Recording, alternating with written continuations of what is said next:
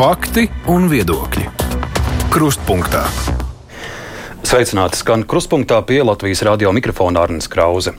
Pagājušajā nedēļā Lietuvas galvaspilsētā izvadīts NATO samits. Viņā pieņemti vairāki svarīgi lēmumi, kas sekmēs gan Baltijas valstu drošību, gan stiprinās Ukrainas spējas kara laukā.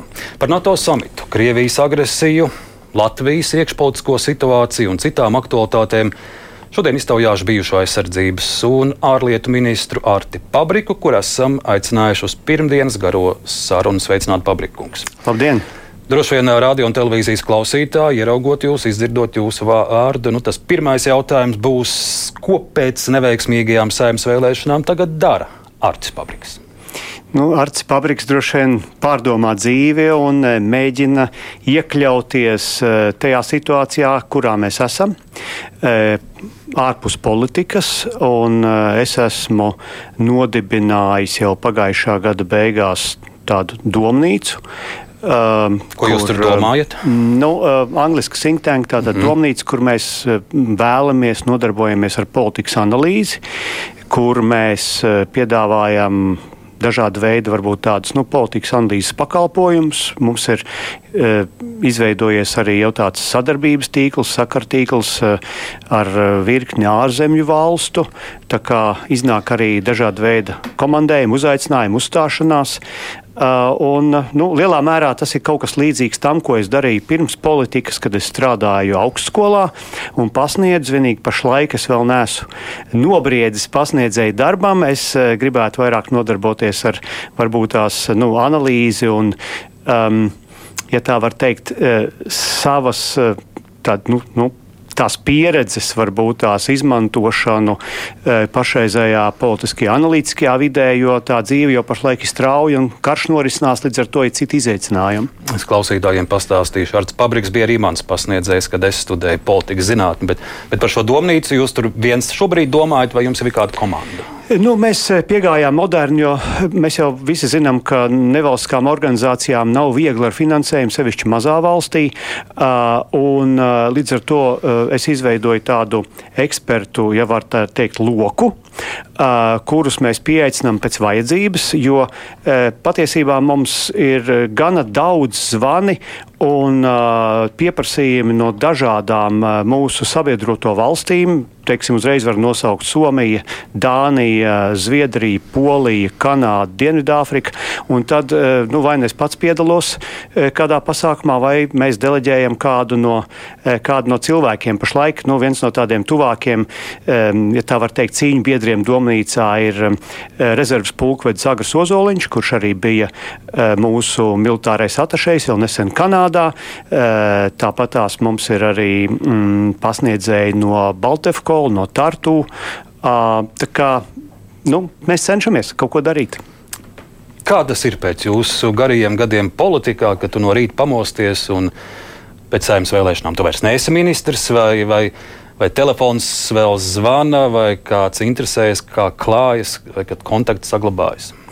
E, kontakti noteikti saglabājas. Un, um, man, protams, ka šī nav pirmā reize, jo esam krituši un esmu kritis arī iepriekš. E, šī varbūt bija tāda smagākā piezemēšanās, jo nesam ne tikai valdībā, bet mēs neesam tikuši arī parlamentā, diemžēl. Līdz ar to nāks vispār uz kādu laiku vismaz aiziet no politikas. Bet e, no otras puses tas ir tāds svētīgs laiks, jo parasti šādos kritienos tu pārvērtē visas savas kļūdas, varbūt to, ko pareizi darīja, ko nepareizi darīja. Tev ir kaut kāds arī laiks, kur tu vari ne tikai atbildēt uz izaicinājumiem, katru rītu pieceļoties un, un vienkārši atbildot kā ugunsdzēsējs, kur jādzēš ir ugunsgrēks. Un kas ir pats svarīgākais, tu atkal iepazīsti ne tikai sevi, bet arī tos cilvēkus, kas ir apkārt. Jo ir jau e, tādi, kas e, tiklīdz tev nav kāda pozīcija, viņa tevi aizmirst. Un Jūs tādi, pieredzējāt tādus cilvēkus? Protams, un Jā. es domāju, ka to ir, to ir labi saprast, kurš ir kurš un cik tuvs draugs un cik tāls draugs. Bet bet eh, vienlaikus spēku dod arī tas, ka uh, nu, man ir jāsaka tā, ka es eju pa ielu, man tomēr uh, ir ļoti daudz cilvēku nākuši klāt un vai nu gribējuši paspiest roku, vai pateikt paldies, vai nofotografēties. Nu, es pieļauju, ka varbūt tie, kas, kuriem es nepatīk, tie nenāk, jo nu, sabiedrība jau vienmēr ir polarizēta. Bet uh, no šāda viedokļa ir, ir arī patīkami momenti. Bet, uh, protams, ka tad, kad tev vairāk kāds no veciem paziņām vairāk nezvana vai neuzrunā, nu, tad, tad, uh, tad, protams, tās pārdomas ir dziļākas. Fabrikungs uzņemoties atbildību par slikto vēlēšanu rezultātu, uzreiz pēc vēlēšanām jūs paziņojāt par aktīvās politikas pamešanu, bet es saprotu, ka tā pavisam pilnīgi prom no politikas jūs nesat Latvijas attīstībai jūs esat līdzpriekšsēdētājs. Ja? E, tieši tā, es esmu viens no trīs līdzpriekšsēdētājiem, un uh, es pašlaik uh, negrasos pamest ne partiju, ne arī partijas pārorganizēšanos. Mums ir bijuši semināri, mēs domājam, kā tālāk darīt, ko darīt, kādā veidā darīt. Tas, ko es pateicu pēc vēlēšanām, protams, ka tad, kad tev ir tāds zaudējums, kad pietrūks kāds 250 balsis, lai iekļūtu saimā, tas šoks bija gan mums pašiem, visiem. Mēs nenoliekšu, visiem bija šoks, gan arī mūsu sabiedrotajiem un, un, un, un mm, partneru partijām citās eh, valstīs. Un, Atgādināsim, jūs bijāt ministru prezidenta amata kandidāts no savas apvienības. Nu, tieši tā. Tas nozīmē, ka lielā mērā tā ir arī mana neveiksme par spīti tiem krustiņiem, kas tur bija. Un es arī pateicu, ka es aizēju no aktīvās politikas vadošos amatos. Tas bija precīzs formulējums. Toreiz es Twitterī uzrakstīju. Protams, ka nu, tas tika interpretēts, ka es vispār aizēju no politikas. Kāda būs mana tā tālākā vieta politikā, vai e, es būšu vajadzīgs demokrātiskā sabiedrībā. Nu, e, tam ir priekšā ziema, pavasaris, vasara vēl.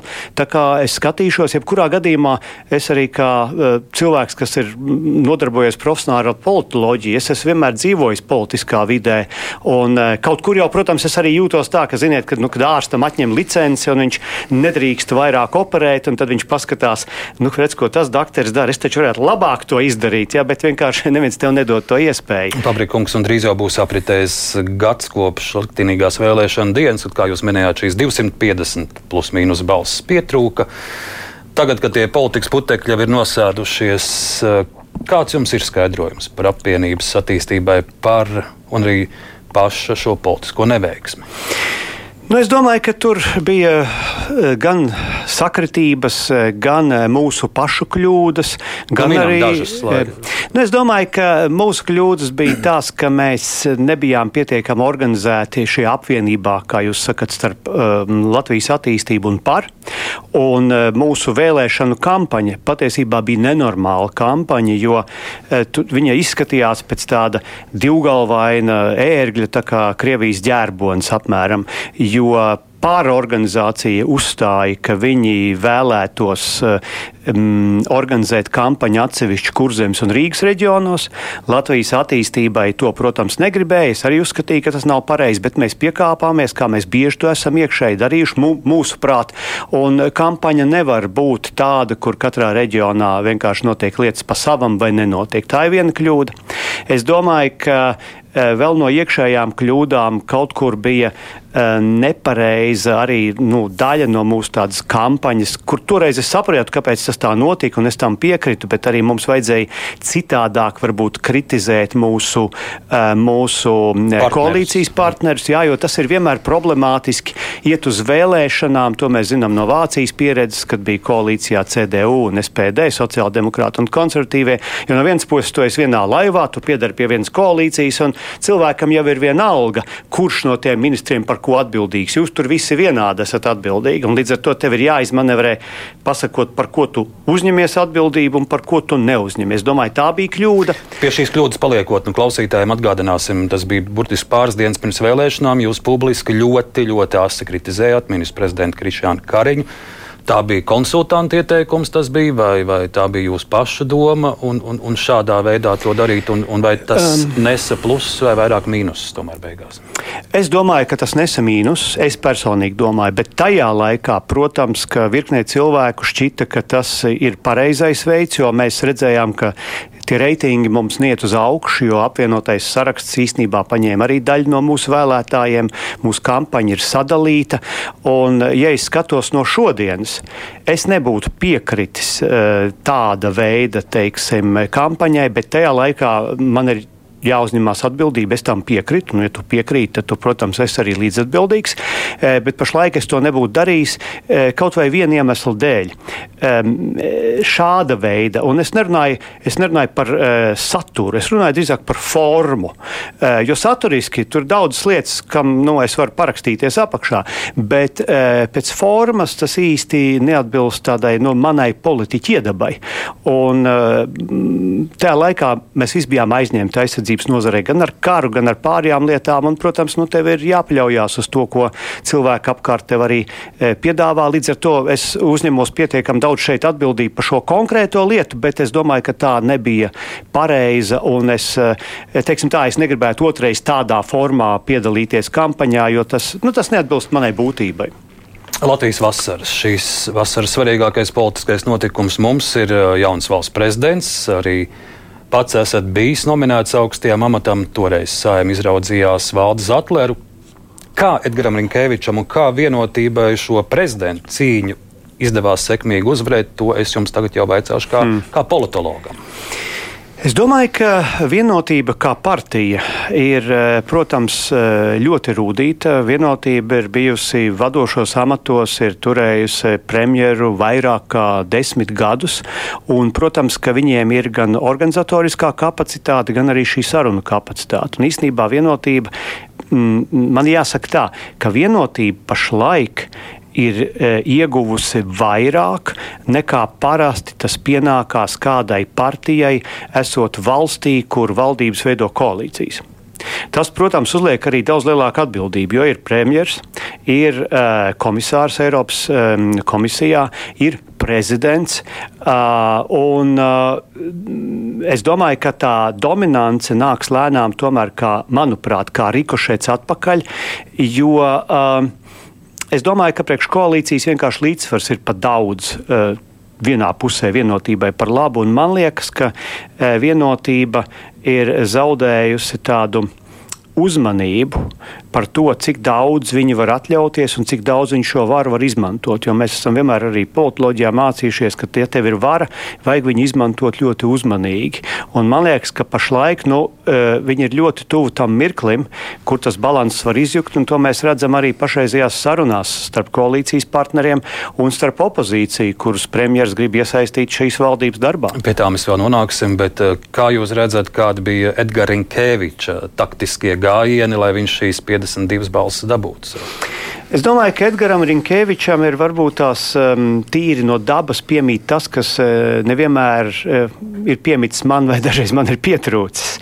Proti, uh, viņš ir um, uh, cilvēks, kurš uh, zina, kad varbūt nevajag kaut ko līdz galam pateikt kas ir ļoti labi, teiksim, ārlietu ministra amatā vai, vai diplomātijas amatā. Es domāju, ka viņš ir iemantojis tādā ziņā arī uh, respektu um, pie opozīcijas, pie, pie pozīcijas, pie visa veida partijām, kas ir prezidenta kandidātam svarīgas, jo viņam jau beigās vajag dabūt tās valsts saimā. Nav jau svarīgi, kā ir sabiedrībā, svarīgi, kas ir saimā.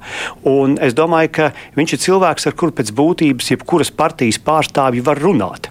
Tas viņam deva šo atbalstu, un es domāju, ka lielā mērā nu, tā bija viņa paša uzņēmība, eh, ne tik daudz vienotības, cik viņa paša uzņēmība šīs balsis iegūt. Tāda vismaz informācija ir man zināma.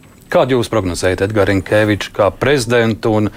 Kādēļ kopš uh, Vairas Vīķas Freibergas uh, visi nākamie mums ir bijuši viena termiņa prezidenti? Es vispirms gribētu teikt, ka mm, būt par viena termiņa prezidentu uh, nebūtu nenozīmē neveiksmi. Neveiksme un viens termiņš tas nav, nav vienādības zīme. Mums sabiedrība mainās ļoti strauji. Visā pasaulē sabiedrības mainās strauji. Prasības, izaicinājumi mainās. Līdz ar to četri gadi ir ilgs periods, kurā pēc būtības arī tas cilvēks var izdegt. Varbūt tās, ka nemaz negribās otrais to periodu uh, pat uh, par viņu cīnīties. Uh, Rinkēvičam, manuprāt, ir um, viena ļoti pozitīva iezīme. Tas, ka pirmām kārtām starp ārlietu ministru un prezidentu, nu daļai arī starp aizsardzības ministru un prezidentu, tā atšķirība nav ļoti liela. Atbildība ir ievērojami mazāka. Sakari viņam ir ļoti lieli, jo viņš ir ilgu laiku pavadījis tieši starptautiskās aprindās. Tā kā no šāda viedokļa. Viņš e, varēs un var, un mēs jau redzam, ka viņš to dara, savu amatu pildīt ļoti labi. Kā izveidosies e, Edgars Rinkeviča attiecības ar sabiedrību kopumā, e, kāda būs viņa pozīcija iekšpolitiski, cik daudz viņš spēs sabalansēt tādu vajadzīgu, veselīgu populismu ar, ar um, piedāvājumiem, teiksim, gan valdībai, gan sabiedrībai kaut kādus jautājumus risināt, un kāda būs viņu, viņa attieksme un sadarbība ar nākošo saimnu, par to pašlaik ir grūti spriest. Pagaidām esat jau pamanījis kādus pirmos uh, populisma soļus vai aizmetņus, vai pagaidām nekas tāds nav redzams? Uh, pirms es to uz to atbildu, es gribētu teikt, ka uh, mums nevajag arī uz populismu skatīties tikai caur negatīvismu prizmu. Jo, kā es arī iepriekš teicu, populisms tas tā kā tāds sāls un garšvielas pie zupas. Nu, jūs nedīsiet zupu, ja tur vienkārši nu, nav nekā iekšā. Nu. Līdz ar to populismam ir nepieciešamība būt, bet, ja viņš ir pa daudz, tad vienkārši nu, pazūd reālā dzīve. Un, ja es runāju par Edgars Rinkēviču, pagaidām viņš šo sālīti savai zupai ir piebēris ļoti tā pareizā apjomā, piemēram, kafijas dzeršana, tur kafejnīcās. Tas skaidrs, ka tas ir tā vēlme parādīt, ka es esmu viens no jums. Uh, un tas nav slikti, tas ir saprotami. Uh, es ceru, ka tas nepārvērtīsies par tādu varbūt tās nu, pārlieku populismu, uh, bet zinot viņa dabu, vismaz man šķiet, ka es viņu pazīstu. Mēs kabinetā blakus ilgi esam sēdējuši. Es domāju, ka viņam, viņam nesakāps galvā. Es tā ceru vismaz dziesmu svētku un arī šis atvaļinājuma laiks. Eh, tādēļ šobrīd ir neliela pauze jautājumā par koalīcijas paplašināšanu. Jūsu prognozes ZZS un progresīvie būs valdībā, un, un eh, cik vispār gari jūs paredzat eh, šīs Kariņu valdības mūžu? Uh, nu, es esmu, protams, vēl nesen pats bijis, līdz ar to varbūt mana analīze nebūs tāda simtprocentīgi objektīva, bet es gribētu teikt tā. Skaidrs, ka mm, premjeram un vienotībai ir jāsamaksā parāds uh, zezēs jo tomēr tās balsis eh, prezidentam Rinkevičam tika iegūtas. Un progresīvi. Eh, un progresīviem eh, šī draudzība jau bija izveidojusies no paša vēlēšana sākuma, līdz ar to vēlmi iegūt progresīvos un varbūt viņus pēc tam draudzīgos apkampienos apēst vienotībai, kā viņa dažreiz to ir darījusi. Tā tendence arī šeit ir. Es domāju, ka pašreiz vienotībai ir īstenībā ļoti grūta dilemma. Eh, kā tā attīstīsies, tas būs atkarīgs no viņa šīm te. Um, tehniskajām spējām vai tehnoloģiju spējām. Jo, ja viņi gadījumā neapmierina šo solījumu, kas tika dots lielā mērā ZZS, tad, protams, pirmām kārtām sāsnāsies attiecības ar opozīciju. Otrām kārtām, es domāju, ka vienotībai viena no lielākām problēmām ir tā, un, ja es drīkstu subjektīvi pateikt, ar ko ir atšķirība piemēram starp mūsu organizāciju un, un, un, un vienotības organizāciju, ka viņi uh, ir pārvērtušies, manuprāt, par tādu diezgan ierēdniecisku, birokrātisku politisko spēku. Un pašlaik, kad visi tie sabiedrotie, nu, piemēram, tā kā mēs, ir iznīcināti, tad e, par visu to, kas nav izdarīts, un izdarīts nav daudz, kas e, būs jāatbild pašiem. Līdz ar to koalīcijas paplašināšanās ir iespēja atkal šo atbildību pagarināt. Savukārt, e, ja paliekam e, pie esošās koalīcijas, tad es domāju, ka rudenī būs ļoti liela politiskā spriedze, kas var novest pie kaut kādas valdības maiņas, jo nu, vienkārši daudzas lietas, par kurām ir runāts, viņas vienkārši nav atrisināts. To šobrīd vēl nevar darīt, bet Sējums opozīcijas partijas solidaritātei un Latvija pirmajā vietā ir teikuši, ka Viņi rudenī rosinās uh, sākt vākt parakstus tautas nobalsošanai par saimas atlaišanu, vai jūs redzat, ka šeit varētu būt uh, sabiedrībā vilkme šim procesam? Man ir grūti pateikt, nu, redziet, mēs nevaram prognozēt ļoti veiksmīgi, kā rudenī būs ar ekonomiku, kā ar enerģētiku. Tas, ka nebūs labi, tas, manuprāt, ir samērā skaidrs. Bet vai tas būs tik slikti un tik neatrisināti, lai sabiedrību mobilizētu un pieprasītu saimnes atlaišanu, man tomēr gribētos teikt, ka nē, jo nu, Latvijā tā, tā pieredze tomēr nu, nav tik krasa kā varbūt kaut kādās uh, dienvidu valstīs darīs. Līdz ar to skaidrs, ka opozīcija to darīs. Bet uh, pašlaik es gribētu teikt, ka nezinu, vai būs panākumi, un tāpēc es domāju, arī Kariņa kungam un vienotībai ir vēlme šo valdību mainīt. Es šodien pabrikunku sarunājums, protams, nevar nejautāt par bruņoto spēku pārtiks iepirkumu skandālu. Tas bija mantojums, kur jūs atstājāt savai PCC aizsardzības ministra amatā Inārai Mūrniecei. Kad nāca gaismā pirmie fakti par šo iepirkumu, jūs presē teicāt, es citēju, te smaržo pēc politiskās izrēķināšanās. Pēc tam, jau, kad, kad nāca vēl vairāk faktu gaismā, jūs minējāt, ka tas ir liela ēna un nesmukums pār bruņotajiem spēkiem par šo iepirkumu. Un, un, un Jā, nu, man ir dalīts sajūtas. Teiksim, es esmu priecīgs, ka mm, es neesmu iepazinies, un man nav, protams, vairāk pieeja visiem tiem datiem, ko valsts kontrole ir pētījusi. Bet eh, labi ir tas, ka valsts kontrolas ziņojums ir, un lai arī viņš bija kritisks, es šeit gribētu pievērst uzmanību divām lietām, ko, kas līdz sabiedrībai līdz galam nav nonākusi. Pirmkārt, eh, ja mēs atceramies, eh, visa šī kampaņa ap pārtikas iepirkumu sākās ar to, ka ir nozagti 220 miljoni. Valsts kontrole ar melns uz baltu apliecināja, ka nekādi 220 miljoni nozagti nav. Tātad tas ir fakts, un to vajadzēja sabiedrībai zināt. Nekād... Fakts ir arī tāds, ka valsts kontrole teica, ka tas ir ārprāts, kā šāda līguma vispār varēja sastādīt. Tur ir nemākulība, jā, jā. nemākulības galā. Jā, to labi, arī teica jā, valsts kontrole. Tāpēc paturpināšu. Tā tas ir viens. Uh, otrs ir, ka uh, valsts kontrole arī pateica vēl vienu teikumu, kuram es pieķēros, kas manuprāt ir svarīgs, ka sākotnējā ideja bija ļoti laba. Uh, Kāda tad bija šī sākotnējā ideja, e, kuru lielā mērā nu, es arī virzīju politiski, jo kurš gan cits to darīs, ja ne ministrs? Proti, mans uzdevums bija, un es joprojām pieturos pie šī mērķa. Es uzskatu, ka mums ir svarīgi, lai mūsu pārtikas apgāde Latvijas bruņotos spēkos, un ne tikai. Mēs to redzam arī jautājumos, kas skar mūsu skolas, mūsu izglītības sistēmu, lai šeit dominētu Latvijā ražot pārtiku. Tas līdz šim nav noticis, nekad nav bijis. Jo kara apstākļos, krīzes apstākļos e, nu, ne, neapgādās mūs ar pārtiku Lietuva, Polija vai kāds cits. Es zinu, ka Šie mērķi bija arī maniem priekštečiem, gan Bergmaņa kungam, gan Vējoņa kungam. Nu, vienkārši nebija sanācis. Otrakārt, bija svarīgi šeit veidot cita tipa transparenci un veidot kaut kādu nu, nu, pārskatāmību. Un man tajā laikā, es atceros, bija ar, arī ar, ar ministrijas ierēdniecību pārunas. Mums, ja es nemaldos, es negribu kļūdīties, bet mums bruņotajos spēkos Līdz šim ir bijuši pārtikas iepirkumi, kur ir apmēram 130 dažādi pārtikas iepirkumi. Nu, tā tas nevar turpināties. Un, protams, ka šeit bija vēlme to visu centralizēt. Tagad, eh, ja valsts kontrole pasaka, un es nevaru atbildēt par eh, izpildījumu detaļām, jo vienkārši ministrs par šīm lietām neatbild. Ja? Eh, Pirmkārt, ja tur bija kaut kādas tādas kļūdas, tad vajag noskaidrot, kāpēc tur šīs kļūdas ir, kur varbūt kāds punkts vai komats nav. nav nav ielikts, par to es atbildēt nevaru, bet nozagta nauda nav. Pārtika joprojām nāk arī ar šo līgumu. Pašlaik, kā mēs zinām, Kalniņa kungs, komandieru kungs televīzijā arī teica, ka viss apgādes notiek. Un es īstenībā ar ļoti lielu interesi sekošu pēc gada, kad šis līgums tiks lausts. Gada vai beigās. Mēs, jā, beigās. Vai, mēs, vai mēs nonāksim pie kaut kā labāka, kur būs vairāk Latvijas pārtika, kur būs labāka transparence, kur būs eh, mazāk atsevišķi līgumi, vai mēs vienkārši būsim uztaisījuši skandālu, kur, jā, varbūt kaut kādi papīri tur nav bijuši kārtībā, un beigās mēs nonāksim atpakaļ pie tā, turpat, kur bijām.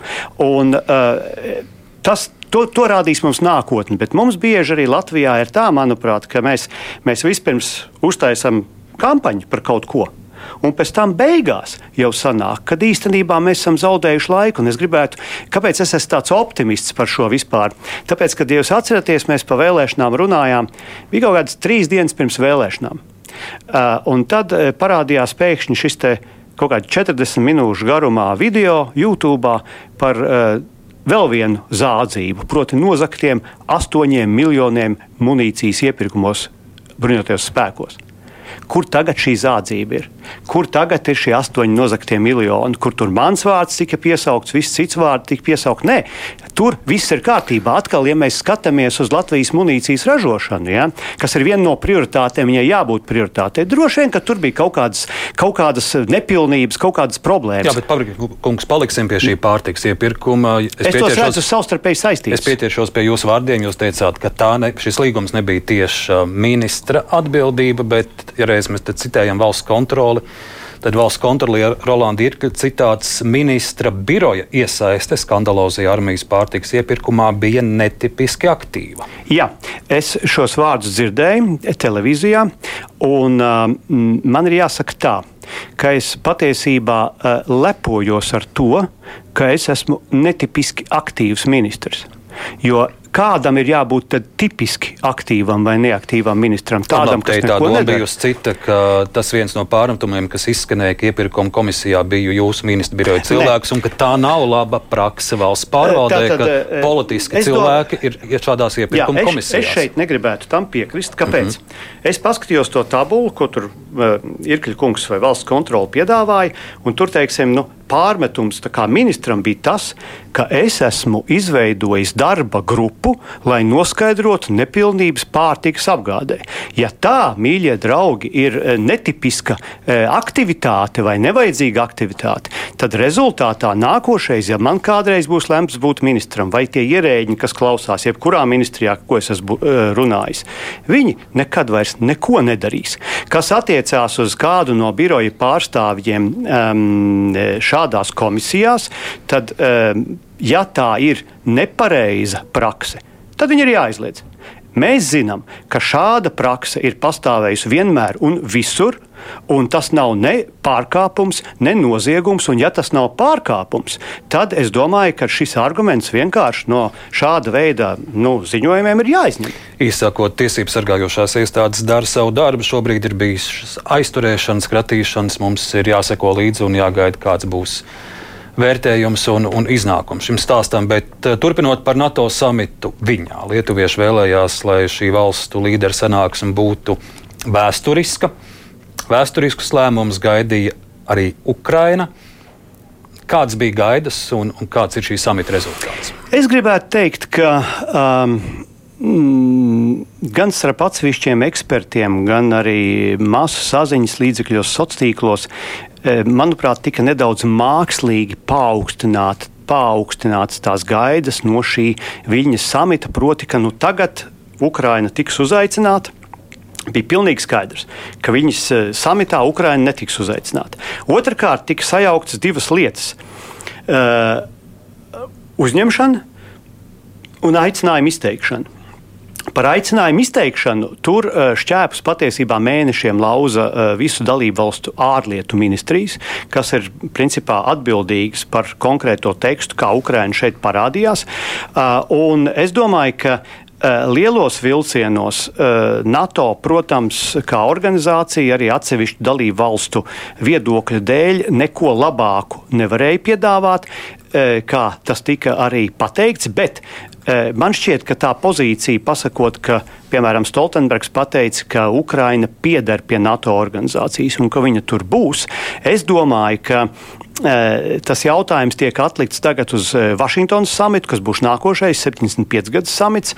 Iespējams, ka tad būs arī eh, jaunais ģenerālsekretārs, jo nu, baumas klīst par to, ka tiek arī gaidīts, ka varbūt tās beigsies termiņš Fonderlainai Eiropas komisijā, varbūt, ka viņi varētu būt viens no kandidātiem pēc Stoltenberga. Līdz ar to Ukraina nedabūja to, ko viņi vēlējās dabūt. Mēs arī nedabūjām to, bet vienlaikus tās ekspektācijas bija par lielu.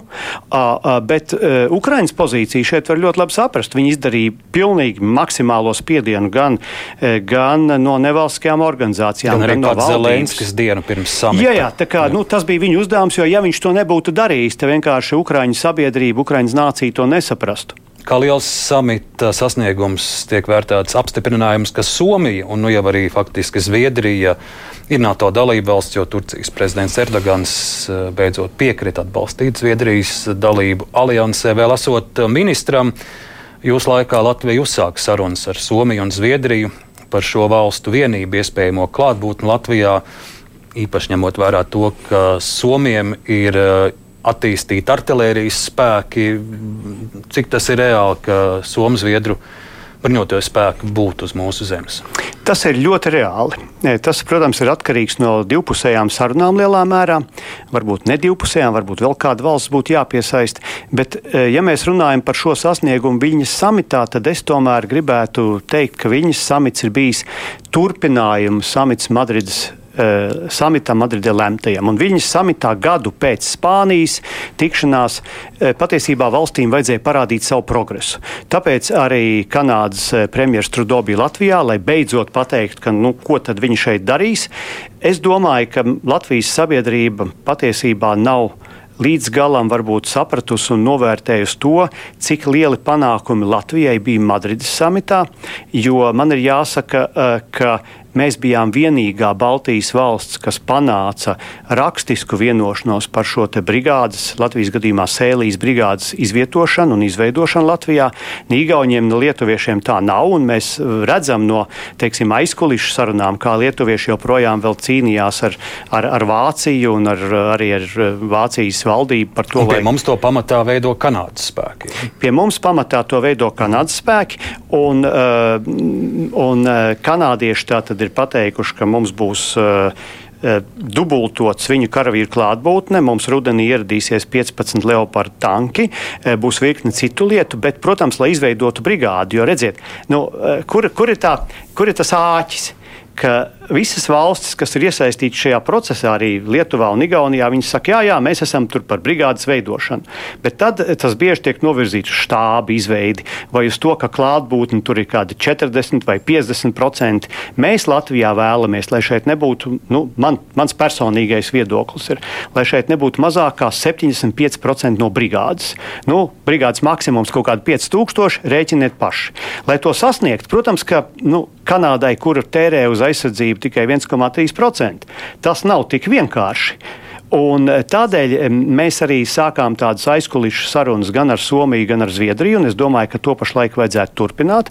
Es domāju, ka mēs varētu Uh, mierīgi vienoties, piemēram, ar Zviedriju par viena bataljona piesaisti šai sēlijas brigādei, jo mēs esam piesaistījuši arī atsevišķās sarunās uh, Dāņu bataljonus pusgadu. Pusgadu viņš ir šeit, pusgadu rotē.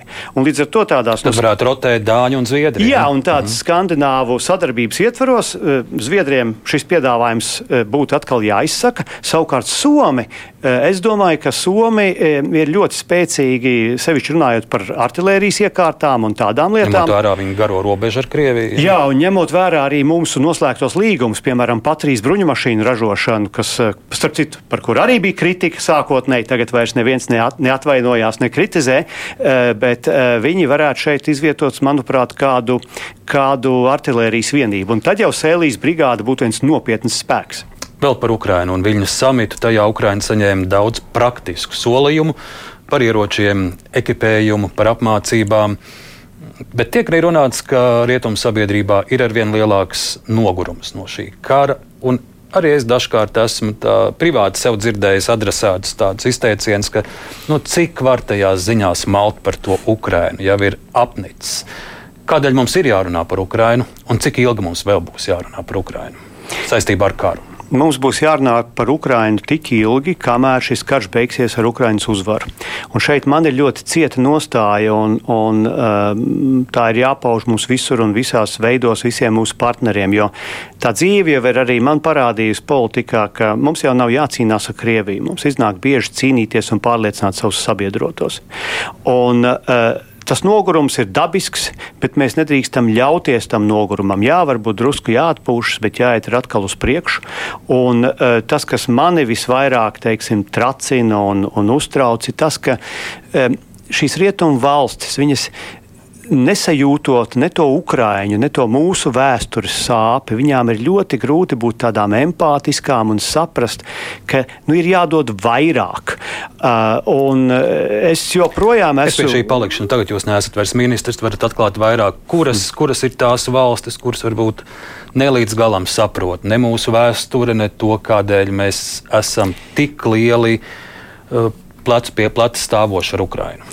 Es, teiksim, tā, arī būdams ministrs, gan asi izteicos, jo es pat zinu, ka dažs labs premjeras gāja pie Kariņa kungu un par manīm sūdzējās, ka kurš, es esmu pārāk asu.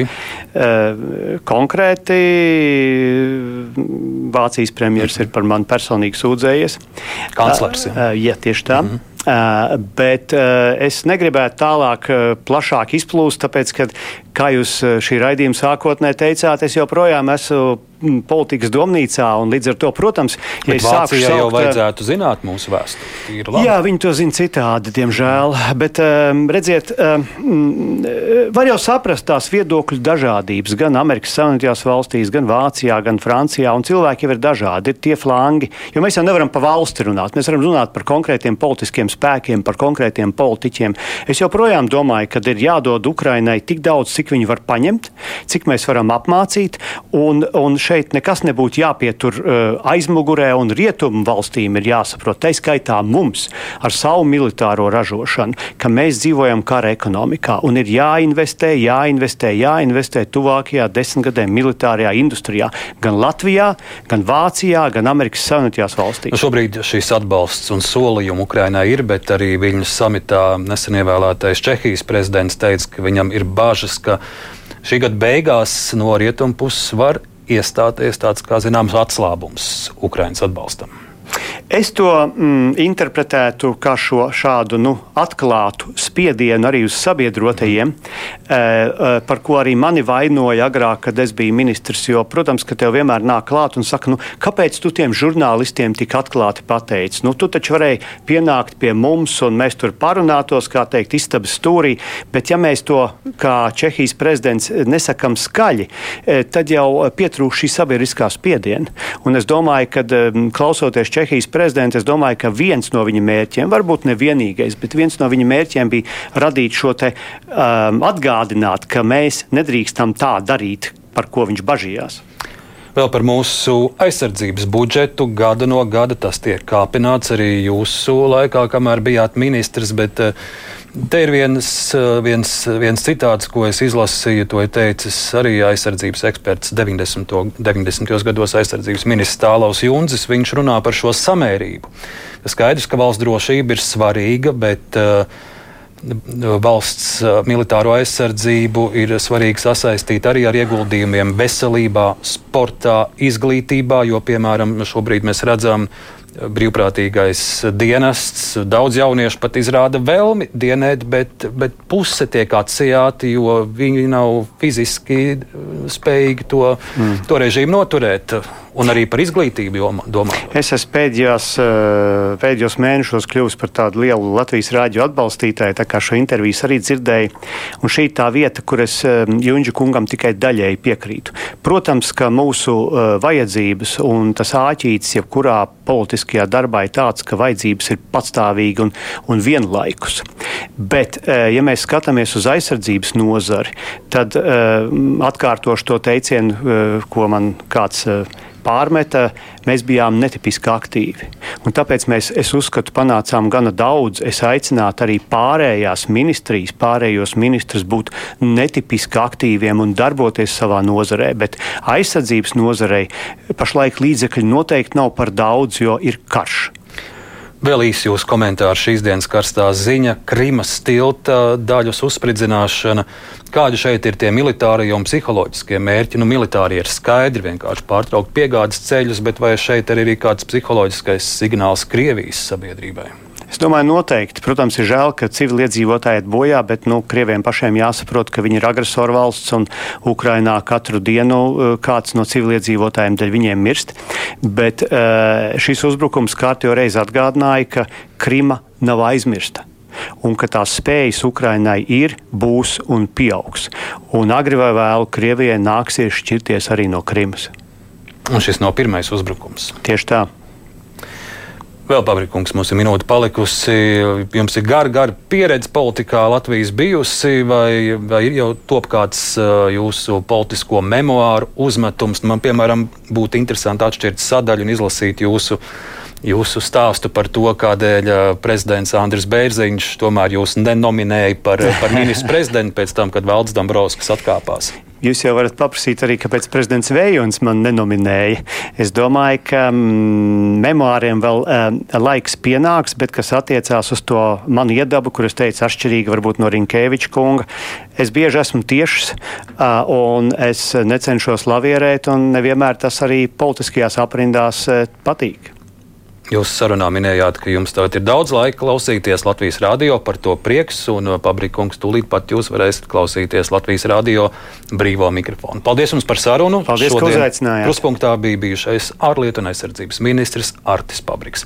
Bet tagad klausītāji Latvijas radio brīvais mikrofons.